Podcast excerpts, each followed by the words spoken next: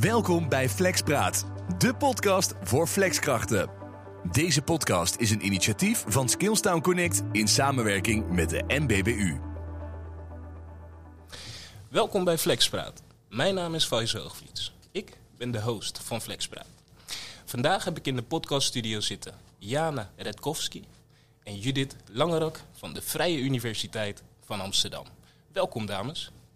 Welkom. Yes. Dank voor de uitnodiging. Ja, heel leuk dat jullie wilden ingaan op de uitnodiging eh, van Flexpraat. Om eh, met mij in gesprek te gaan over de drie bekende onderwerpen: eh, binden, boeien en behouden, duurzame inzetbaarheid en online leren onder flexwerkers. Nou, niet al te onbelangrijk is het goed om de luisteraars even een leuke introductie te geven van jullie en van jullie zelf en het onderzoek dat jullie hebben gedaan. En daarbij wil ik allereerst het woord geven aan, aan Jana. Ik ben Jana Radkowski. Ik ben deel van een onderzoeksteam dat onderzoekt doet naar Flexwerk. Ik werk hier samen met Jos Akkermans, Sanne Nijs, Svetlana Kapova en Paul Jansen op de Vrije Universiteit Amsterdam en op de Universiteit Tilburg. En vier jaar geleden kwam Instituut RAK met de vraag naar onderzoek naar Flexwerk. En dat hebben we gedaan.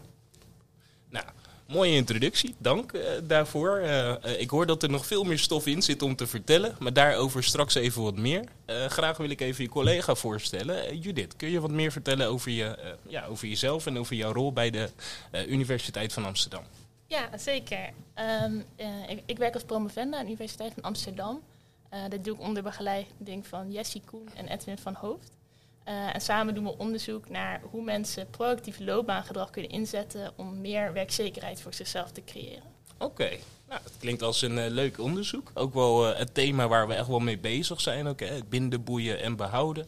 Duurzame inzetbaarheid. En nou ja, wij zelf dan als staan ook met online leren. Dus daarover ga ik graag met jullie in gesprek. Um, allereerst zou ik het bruggetje willen slaan naar het uh, bekende thema. Je hoort het steeds vaker. Binden, boeien en behouden. Uh, maar inderdaad, wat is dat nou? Hoe, hoe kijken jullie daarnaar? En dan allereerst beginnen we met Jana. Goede vraag, daar moet ik ook even over nadenken. Ja, omdat ik kan daar niet één antwoord op geven. Omdat er zijn zoveel verschillende flexwerkers. Dus het is ja even belangrijk stil te staan. Mijn expertise is vooral op het vlak van gedwongene flexwerkers.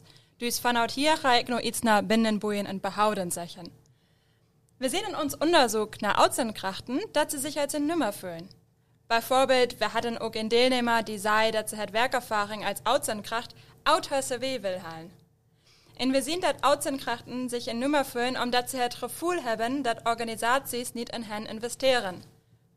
Ja, oké. Eh, het klinkt alsof jullie best wat, wat onderzoek hebben gedaan. Jullie hebben ook die flexwerkers gesproken. Uh, kun je wat meer vertellen vooraf aan van het onderzoek? Dus qua data, hoeveel flexwerkers hebben jullie gesproken? Hoeveel managers bijvoorbeeld? Uh. We hebben over 27 uitzendkrachten gesproken. Okay. En tijdens een andere onderzoek hebben we ook met managers van flexwerkers gesproken, dus met recruiters. Ja, ja, ja. ja, dat zijn inderdaad ook wel de mensen die aan de voorkant staan hè, als het gaat om werven van uh, kandidaten, dan wel flexwerkers, ambassadeurs, uh, noem maar op. Uh, dus ik ben benieuwd eigenlijk wat, wat, wat daaruit is gekomen. Uh, ik wil kort het woord even aan Judith geven. Hoe is jouw kijk op binden, boeien en behouden? Oeh, dat is zo'n grote en moeilijke vraag. Um, waar ik wel het eerste aan denk, want ik doe natuurlijk vooral onderzoek naar werkzekerheid is dat ik vaak terugzie in mijn onderzoek de mensen die zich erg onzeker voelen over hun werk, uh, eerder geneigd zijn om ontslag te nemen. Oh. Uh, dus wat dat betreft slagen organisaties er dus niet in om uh, ja, werknemers te binden als ze niet genoeg zekerheid voelen. Nee, nee. Oké. Okay. Nou ja, goede eerste indruk denk ik zo. Hè. En een belangrijke constatering van wil je boeien, ja, dan moet je wel een stukje zekerheid kunnen meegeven eigenlijk aan je, je medewerkers. Dan wel vast, dan wel flex, denk ik zo. Um, ja, nou, wil je wat meer vertellen over het onderzoek uh, dat jullie hebben gedaan? Uh, waar is dat uit voortgekomen? Uh, vertel. Ja, we hebben gezien, wat ik al een beetje benoemde, dat de uitzendkrachten vaak het gevoel hebben dat ze echt heel erg vervangbaar zijn. En alleen als ze een kleine foutje maken, dat ze dan weg zijn. Oh, en dus vanuit mijn expertise zou ik zeggen, binnenboeien en behouden mindset van uitzendorganisaties is er vaak nog niet voor flexwerkers. Ja. Ah, oké. Ik hoor je zeggen mindset uh, bij uitzetorganisaties. Kun je daar wat meer over vertellen? Ja, met de mindset, daar bedoel ik een beetje, als je echt kijkt, ja, viele uitzendorganisaties, niet alle, maar viele, ze hebben echt een korte termijnvisie. Ze zouden meer begeleiding kunnen bieden bij de hele loopplan, in plaats van alleen de volgende flexbaan. En niet alleen klantenbedrijven als klanten zien, maar ook flexwerkers. Dat zou zeker kunnen helpen, zodat organisaties flexwerkers meer waardevol behandelen. Ja, ja, ja, ja. oké. Nou, dat is een mooi punt wat ik je hoor zeggen. Eh, wil je dat nog aanvullen, Judith? Uh, ja, ja, ik, ja, ik deed gelijk een belletje rinkelen eigenlijk. Uh, ja, want Jana zegt dus dat het dus niet alleen maar belangrijk is uh, dat werkgevers werk geven aan mensen, maar ook dat het werk is van voldoende kwaliteit, dat je fouten kan maken, dat je ontwikkelmogelijkheden hebt, et cetera. En dat zien we ook heel veel terug in onderzoek. in academische termen noemen we dat ook wel kwalitatieve baanonzekerheid. dus dat wil zeggen dat werkgevers niet alleen maar ervoor zorgen dat mensen überhaupt werk hebben, maar dat ze ook werk hebben met alle kenmerken die gewaardeerd worden. Dus voldoende ontwikkelen mogelijkheden, uh, goede communicatie met de leidinggevende, een fijn team, de uren die ze willen. Ja. Uh, dus ja, om mensen te boeien moet je echt wel meer bieden dan alleen maar zekerheid over het behoud van het werk, uh, maar ook zekerheid over de inhoud van het werk. Hmm. Kan ik dat vertalen als een stukje perspectief, wat je de medewerkers, je vaste collega's of je flexwerkers zou moeten bieden? Ja, zeker. Ja, het is heel breed. Dus het is inderdaad perspectief. En dan niet alleen maar over uh, ja, dat het huidige werk kan worden voortgezet, maar ook dat er kansen zijn om uh, verder te ontwikkelen of naar juist nieuwe kanten toe te gaan. Oké. Ja. En, en daar hebben flexwerkers ook echt behoefte aan om, om verder te denken dan alleen de volgende flexbaan? Of? Um, nou ja, het is lastig om in algemene termen te spreken mhm. natuurlijk. Uh, wat we vooral zien is dat als mensen inderdaad uh, aan het einde van een contract zitten of echt in de knel, dan is het al snel uh, de mindset van, oh nee, wat ga ik hierna doen? Wat is mijn volgende stap? Hoe hou ik inkomen? Ja. Uh, maar als je kijkt over de loopbaan in het algeheel, dan is het zeker belangrijk, ook voor flexwerkers, ja, dat ze toekomstperspectief hebben. Ja, en nou ben ik misschien snel hoor, maar het klinkt een beetje als een, een duurzame loopbaanperspectief, als ik het zo uh, een beetje mag verwoorden. Hè? Dat een, een, een, medewerker of een flexwerker kan zien van hé, hey, ik ben bezig, uh, maar ik heb ook toekomstperspectief als het gaat om ontwikkelmogelijkheden. Uh, daarmee even het bruggetje slaand naar duurzame inzetbaarheid. Ook zo'n bekende chique term in de markt. hoe kijk jij daarnaar, Jana? Ja, hier moet, moet echt iets veranderen voor de flexwerkers. Duurzame inzetbaarheid onder flexwerkers is momenteel echt niet altijd gegeven. En we zien in ons onderzoek dat uitzendkrachten loopbaanstagnatie kunnen ervaren en in een vicious circle kunnen zijn. Loopbaanstagnatie. Jongen, eh, kan je dat even toelichten aan de luisteraars? In het begin genieten ze echt van het flexwerk en denken, oh leuk, even lekker nieuw werk. Maar als ze na de verloop van tijd merken dat ze er niet meer uitkomen, beschrijven ze negatieve psychologische uitkomsten. Oh, oké. Okay. En uh, die negatieve psychologische uitkomsten, uh, wat mag ik me daarbij voorstellen? Ze hebben het gevoel, ze kunnen niet echt een loopbaan opzetten. Dus ze hebben het gevoel, ze gaan altijd weer nu aan de slag bij een nieuwe klant. En dan ja, hebben ze de collega's ontmoet en kennen nur mensen en dan gaan ze weer. En vaak zien ze ook niet de waarde in de ene loopbaan, in de ene baan die ze nu hebben. Ja, ja, ja. Oké, dus dat stukje perspectief komt dan eigenlijk wel weer terug. Hè, dat ze uh, eenmaal aan de slag uh, hebben ze toch al zoiets van: hey, ik wil misschien straks iets meer dan, uh, dan wat ik nu doe. en dat ze toch weer teruggaan naar de werkgever of opdrachtgever van: hey, welke mogelijkheden heb ik eigenlijk dus? Nou, heb jij het idee dat dat bureaus zich bewust zijn van de negatieve gevolgen die het heeft voor een flexwerker als hij geen toekomstperspectief heeft? Ja, ik benoemde, benoemde het al eerder, de korte termijnvisie van vele uitzendorganisaties. Oh, ja. En ook ja, van de recruiters, die dan natuurlijk dan werken en bezig zijn met de plaatsen van de flexwerkers. En ze zien vaak ja, gewoon de ene baan waar ze nu bezig zijn, iemand te plaatsen en dan verder met nieuw werk. Ja. Ah, oké. Okay. Dus ik hoor je zeggen dat het eigenlijk ook veel bij, uh, bij het wervingsproces zit. Hè? Dus de recruiters die eigenlijk vanaf het begin al het gesprek aangaan, zo iemand binnenhalen dat zij al eigenlijk duidelijk maken wat de mogelijkheden zijn bij zo'n zo bureau. Zeg ik dat zo goed? Ja, precies. En het is echt ook de reward system die de recruiters hebben, de account managers en account specialisten bij de uitzendbureaus. Als we daar bijvoorbeeld iets zouden veranderen, dat ze niet alleen in performance uh, review krijgen naar hoe veel ze geplaatst hebben en hoe snel, maar ook dat we daar meer naar de kwaliteit kijken, naar wat hebben ze geplaatst en is dit echt een fit met de werker en kan de werker zich daar verder entwickeln. Dat zou heel leuk zijn. Ja, Ja, nou ja, ik hoor je zeggen inderdaad een goede match maken. Hè? Eh, niet alleen voor, uh, nou, ik ben, ik, ben zelf ook werkzaam geweest als accountmanager en het plaatsen van, uh, van vakkrachten eigenlijk, flexwerkers. en daarbij ben ik ook bekend met KPI's, dus doelstellingen die je moet behalen. Dus als, als recruiter, als accountmanager heb je ook je doelstellingen dat je zoveel mogelijk plaatsingen moet kunnen realiseren natuurlijk. denken jullie dat ze daarbij dan ook uit het oog verliezen dat er een stuk duurzaamheid, uh, duurzame loopbaanontwikkeling in zou moeten zitten voor de flexwerker? Ja, omdat ze zo bezig zijn naar hun eigen doel te kijken, dat ze gewoon niet verder kijken. Nee. En dat is echt een probleem. Dus de, ja, dat, dat eigenlijk alles een beetje in het hele systeem. Dus als we daar iets willen veranderen, moeten we kleine dingen veranderen, maar we moeten ook naar het hele systeem kijken, ja, hoe de mensen dan weer in review krijgen, een performance review die in charge zijn die de, man, die de flexwerkers managen? Nou, uitdagende vraag. Uh, zou het wat zijn om bij de managers eigenlijk die doelstelling neer te zetten, bij, zodat zij dat communiceren naar hun recruiters? Van nou los van de plaatsingen uh, gaan we ook voor een stuk tevredenheid van de kandidaat. En dat dat gemeten kan worden. Dus niet alleen de plaatsing, maar ook hoe tevreden is de kandidaat met de match die er is gemaakt.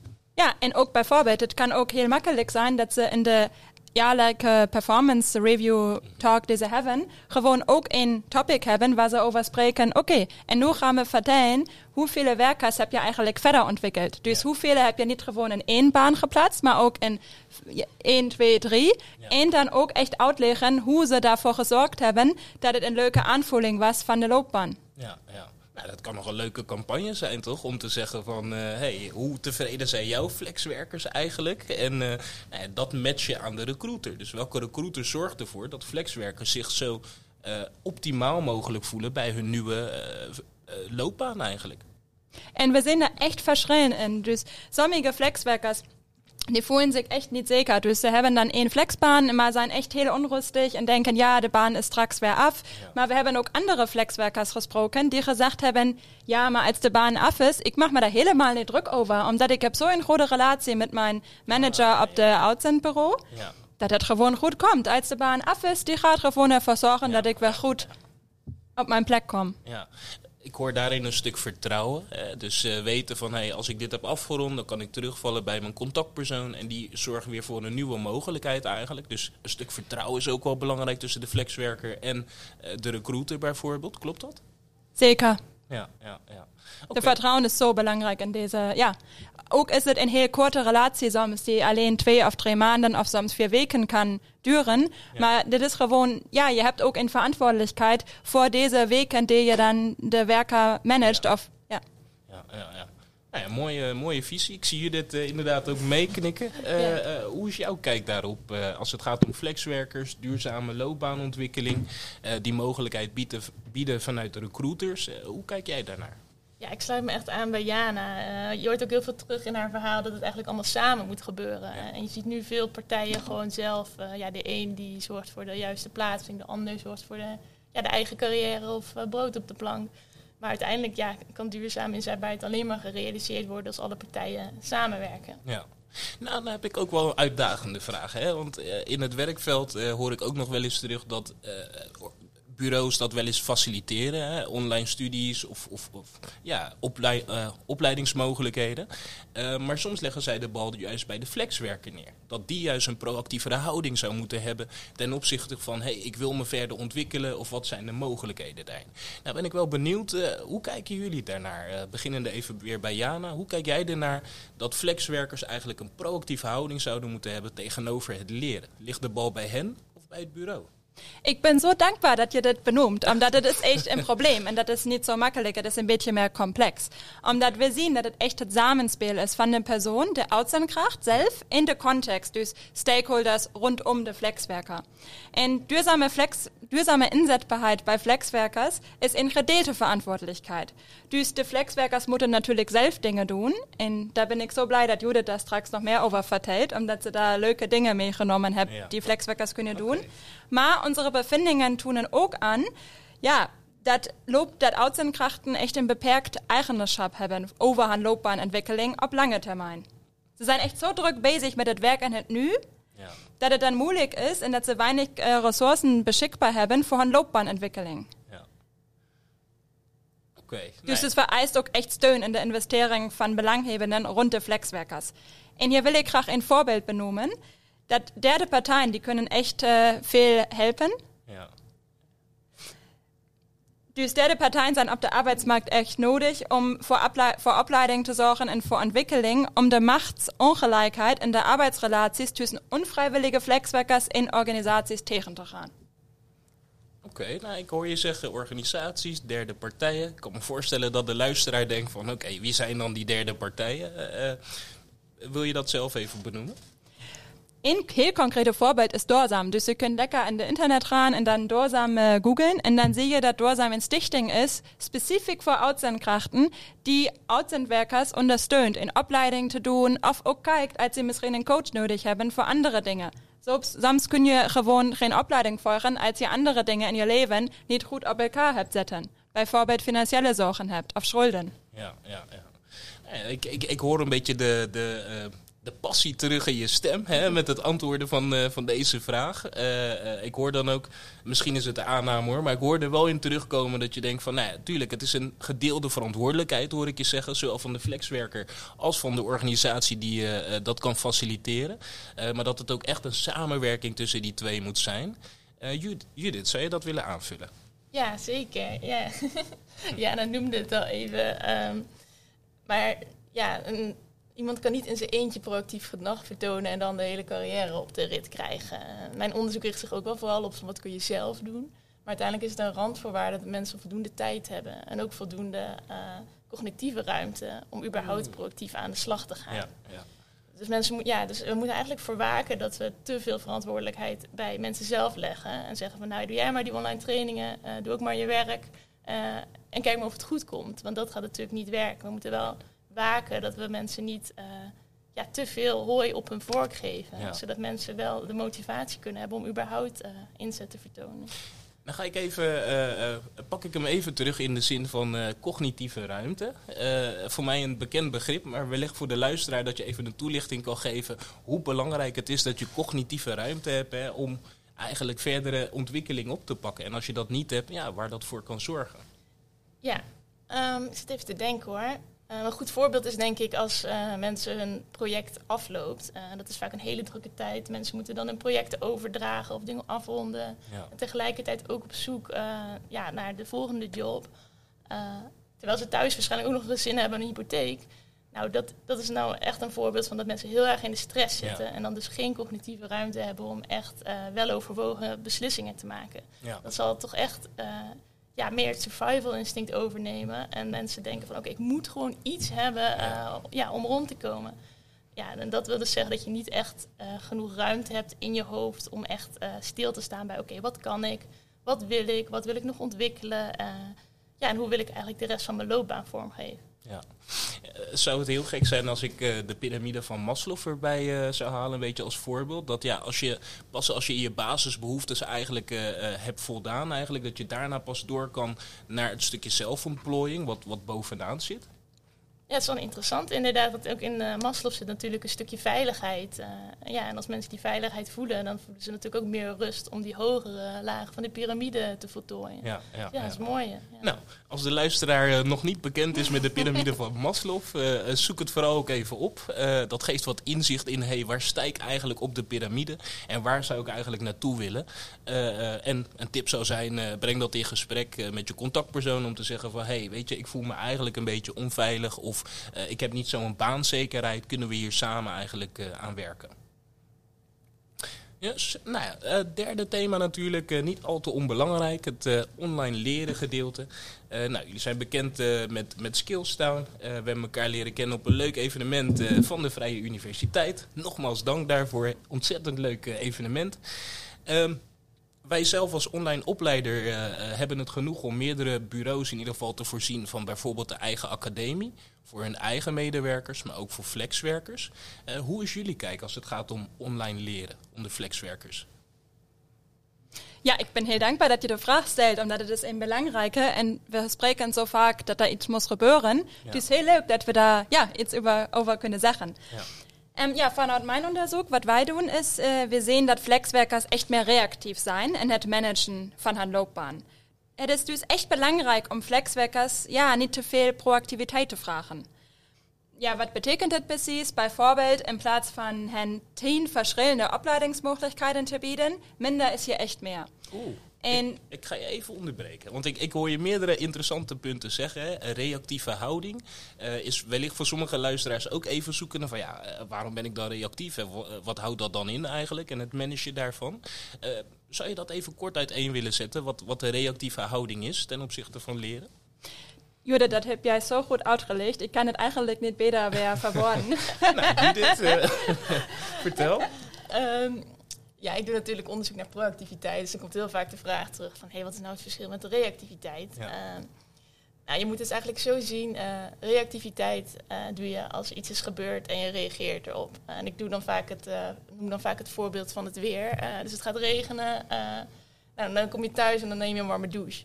Ja. Maar je kan ook proactief te werk gaan door bijvoorbeeld eerst buienradar te checken of een paraplu mee te nemen. En dan, dan weet je gewoon van tevoren al Ah, wat er ja. waarschijnlijk gaat komen. Ja, ja, Eh, en zo is dat eigenlijk ook in carrières. Je kan van tevoren al voorbereiden voor eventuele ja, tegenslagen.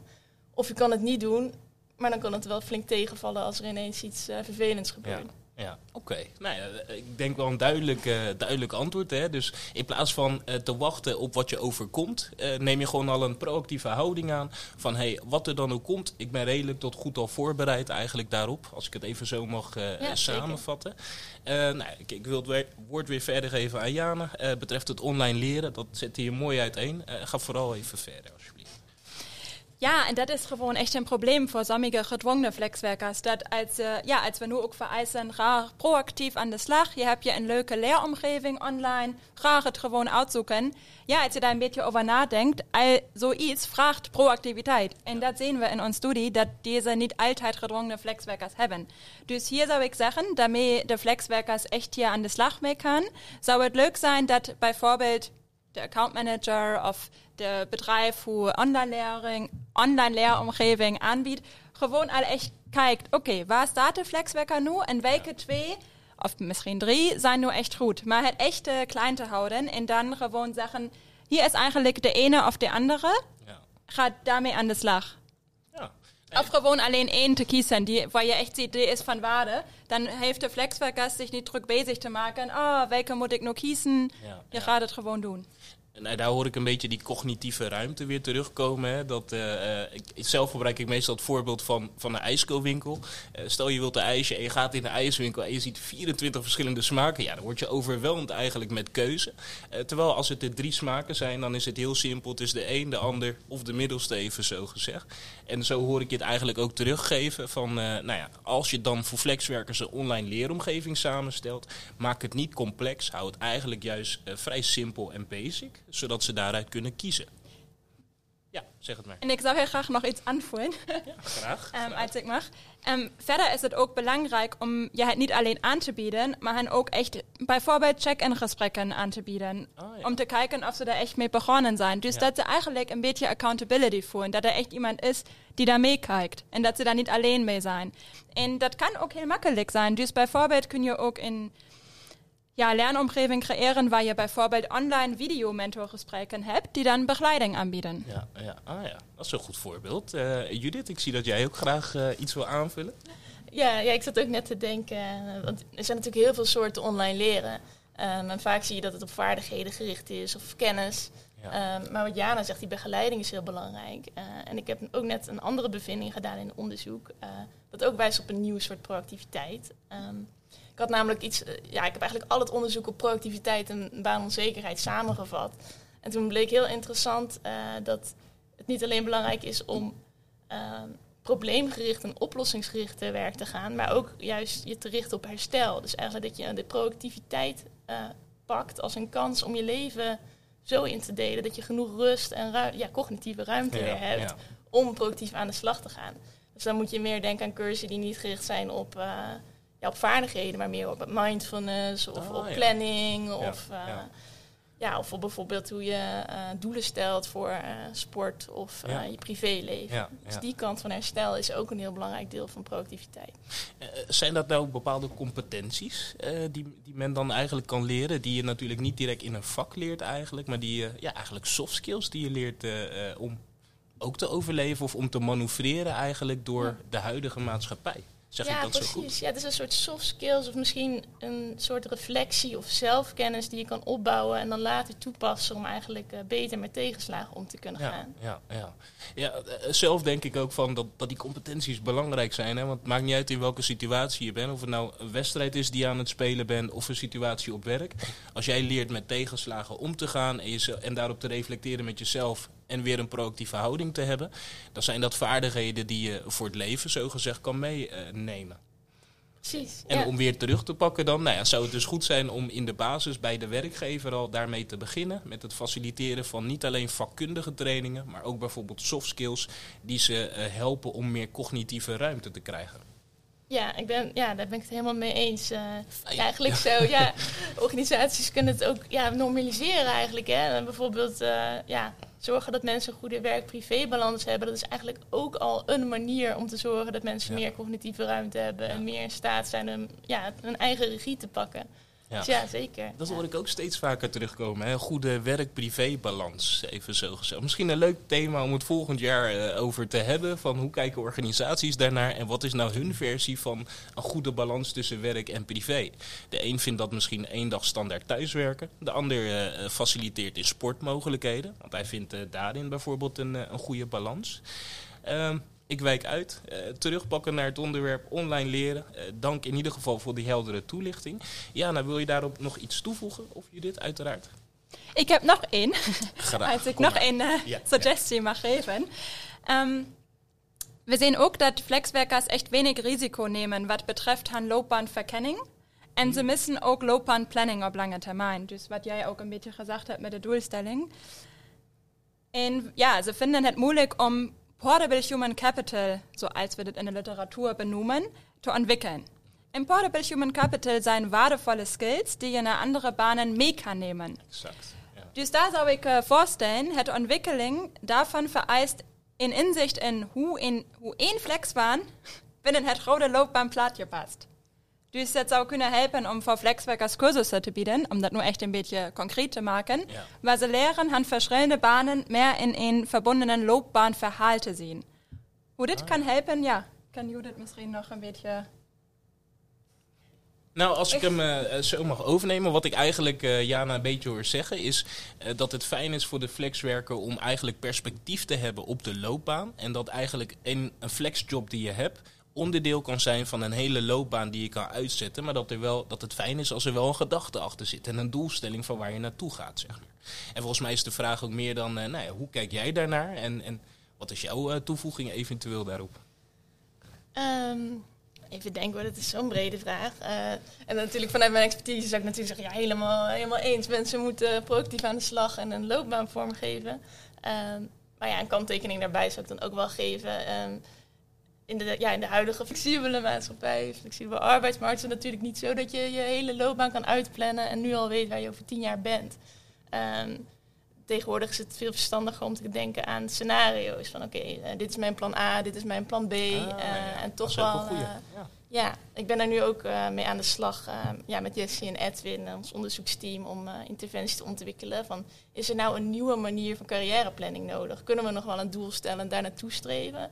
Of moeten we toch flexibeler aan de slag en drie opties kiezen en dan kijken van oké, hoe kan ik op alle drie uh, even goed voorbereiden? Ja, ja. Nou, ik denk dat dat wel een goede aanvulling is op, op wat Jana net aangaf. Van vooral hoe je zegt een plan A, B of C eventueel. Dus maakt niet uit waar je nu momenteel zit uh, met je flexjob, maar dat je er een plan aan verbindt eigenlijk. Toch zeg ik dat zo goed? Corrigeer me als ik het mis heb hoor. Ja, we knikken natuurlijk, maar dat, dat hoort de luisteraar niet. Nee, ik ben het helemaal mee eens. Ja, ja het is goed om uh, gewoon meerdere opties voor jezelf open te houden. En natuurlijk hoef je niet uh, ja, aan al, alle drie de opties evenveel tijd te besteden. Maar het is wel goed om je te oriënteren op wat de mogelijkheden zijn. Zodat als er iets, uh, ja, als er beren op de weg komen, dat je niet gelijk al je hoop verliest. Ja, ja, ja, goed voorbeeld van een proactieve houding ten opzichte van je eigen loopbaan. Dus bereid jezelf voor, maak een plan A, B of C. Uh, en daarnaast ga zelf ook op zoek naar de mogelijkheden bij je contactpersoon, hoor ik jullie eigenlijk uh, zo een beetje zeggen. Uh, Dat is mooi. Dank voor die toelichting op het gebied van online leren. Uh, nou, zoals bekend uh, vraag ik de luisteraar meestal ook even om een tip tijdens de uitzending of tijdens de opname. En zo ben ik ook benieuwd wat jullie tip is voor de flexwerker. Let op, je wordt getipt. Ja, mijn tip is, zonder jou zouden vele organisaties er niet meer in slagen op de markt te blijven. Tegenwoordig moeten organisaties veel flexibeler zijn om te kunnen navigeren in de dynamische arbeidsmarkt. En ook in ja, algemeen de markt, waar ze een uh, bedrijf hebben. En om flexwerkers hierbij te ondersteunen, is er hulp van derde partijen. Kijk bijvoorbeeld eens naar Doorsam en Stichting die ondersteuning biedt aan uitzendkrachten. Ja, ja, ja, mooie tip. Nou, dank voor je tip, uh, Jana. Uh, Judith, heb jij nog een leuke tip die je wil meegeven aan de luisteraars? Uh, ja, zeker. Eigenlijk heb ik twee uh, tips. Eentje aan flexwerkers die zich uh, op dit moment zeker voelen en gewoon lekker aan het werk zijn. En nog eentje over de mensen die nu midden in, in de onzekerheid zitten. er zijn alle flexwerkers die op dit moment zich zeker voelen over een baan. dit is juist de tijd om je te oriënteren op mogelijke vervolgstappen ja. en ontwikkelmogelijkheden. dus zorg ervoor dat je een plan B hebt voor wanneer het wel misgaat. Ja, ja. dat zorgt heel veel zorgen als mocht het zover komen. Maar aan de mensen die op dit moment juist heel veel onzekerheid zitten en gewoon even helemaal niet meer weten wat ze moeten daardoor, uh, dan wil ik eigenlijk alleen maar zeggen, uh, hou vol. Want het is een ontzettend stressvolle tijd. Uh, en het kan voelen alsof niets wat je probeert zin heeft. Maar ons onderzoek heeft wel laten zien dat op de lange termijn alles wat je doet zeker wel zin heeft. Alleen op de korte termijn, ja, dan merk je daar gewoon nog niet de vruchten van. Ja, mooie tips, uh, denk ik zo. Hè? Afrondend herken ik het punt wat je zegt. Hè, van stel je zit nu in de stress van ja, hoe nu verder straks met mijn baan. hoor ik je ook een beetje zeggen, nou het is begrijpelijk dat het een stressvolle periode is. En wees dan ook niet te streng voor jezelf. Hou vol, maak een plan B en eventueel C. Voor als het echt misgaat, dat geeft je dan ook wat meer cognitieve rust. als ik die ineens mag verzinnen, cognitieve rust. Ja. Precies, ja. Nou, dank voor de, voor de tips uh, voor de luisteraars, voor de flexwerkers die luisteren uiteraard. Ook voor de HR-professionals die luisteren. Nou, doe er je voordeel mee om na te gaan bij je flexwerker wat de mogelijkheden zijn, waar momenteel zijn stress momenteel zit en hoe je daarbij kan helpen. Eén vraag is me wel nog even bijgebleven, want ik hoorde in de toelichting van Jana het begrip gedwongen flexwerker terugkomen. Nou kan ik me voorstellen dat er sommige luisteraars zijn die denken, hé, hey, ligt dat eens even toe? Heel goede vraag. Um, dit is eigenlijk een beetje moeilijk, flexwerkers te klassificeren. Dus daar is een heleboel uh, literatuur over. Als je daar meer over wil weten, uh, ga dan contact opnemen. Ik kan je daar meer toesturen. Ja. Maar dat is gewoon echt niet zo makkelijk, hoe we dit nu het beste klassificeren. Maar wat we zien is, zijn echt verschillende psychologische ervaringen, afhankelijk ervan of je nu een vrijwillige flexwerker bent of een onvrijwillige. Kun je ook benoemen als gedwongen. Ja. En met de gedwongene flexwerkers zien we, ja, ze hebben flexwerk omdat ze geen andere werk vinden. Ja. Oké, okay. nou ja, herkenbaar. Judith, jij nog een toevoeging daarop? Uh, ik moet eerlijk zeggen dat het niet mijn expertisegebied is. Ik heb niet specifiek flexwerkers geïnterviewd. Uh, maar ja, ik kan me wel voorstellen dat als je op een plek zit dat niet in lijn is met je loopbaanplan, dan is het natuurlijk wel extra moeizaam om je daar vol in, voor in te zetten. Ja, ja. Nou, nogmaals dank, uh, dank dames voor het uh, beantwoorden van, uh, van de vragen. Dat jullie even met me in gesprek wilden gaan over de drie thema's die ik al eerder heb benoemd. Let op, je wordt getipt. Je hoort het van Faisal. Nou, zoals we net al hebben gehoord, uh, beide dames hebben een leuke introductie gegeven, uh, te kennen gegeven het onderzoek waar ze mee bezig zijn geweest betreft duurzame loopbaanontwikkeling onder flexwerkers. Wil je nou meer weten over het onderzoek of over hun kijk op ja, de diverse onderwerpen? Neem dan even via LinkedIn contact op met Jana Redkowski en Judith Langerak. Nou, we zijn bijna aan het eind gekomen van de aflevering van uh, Flexpraat. Hebben jullie zelf nog uh, vragen of opmerkingen misschien die jullie uh, nog willen inbrengen? Ja, we hadden het vandaag veel over binden, boeien en behouden. Ja, dan moet ik eerlijk zeggen, ja, bij binden gaat het al vaak mis. Laat staan boeien en behouden. En als we dan kijken, ja, binden gaat ook hand in hand met zekerheid. Als, Flexwer als flexwerkers zich niet verbunden voelen met een organisatie, ja, dan is het heel moeilijk voor flexwerkers motivatie te vinden om zich verder te ontwickeln. Ah ja, ja, ja, ja. Ook wel herkenbaar, hè? Dus inderdaad, als je het stukje zekerheid niet hebt, uh, daarmee maak ik, het, bruggetje eigenlijk naar het onderzoek van Judith, uh, naar werkzekerheid. Uh, inderdaad, je knikt ja. dus dat heb ik aan het juiste eind. dat als je die zekerheid nog niet zo ervaart, dat het openstaan voor nieuwe ontwikkelingen of, of het maken van bepaalde plannen gewoon een stuk lastiger is. vertaal ik dat zo goed? Ja, Heel goed. Ah, super. Nou, mooi. Uh, dank voor die opmerking, voor die toevoeging. Uh... Ik wil nog zeggen dat het een heel leuke initiative is in podcast voor flexwerkers te hebben. Omdat we spreken zoveel over dat we daar echt meer coaching en deze dingen voor deze groep werkers nodig hebben. Ja. Dus het is echt zo leuk, dit initiative te zien. En dankjewel. Ik ben heel benieuwd naar de andere afleveringen. Ja, ja nou ja, dankjewel. Uh, ik moet zeggen, de, de voorgaande sprekers hebben ook uh, alle positief gereageerd. Uh, daarbij ook de toevoeging dat we vanaf volgend jaar ook veel meer in gesprek gaan met flexwerkers zelf.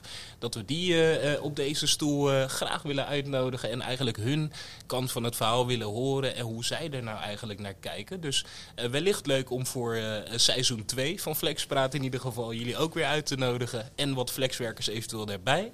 Uh, maar dat is wat leuk toekomstmuziek hoor ik. Ja, dat, ik ben heel benieuwd. Ja. Super, zeker. ik zie hele enthousiaste gezichten vormen voor de luisteraars. Dus, en knikkende gezichten, dus daar ben ik heel blij mee.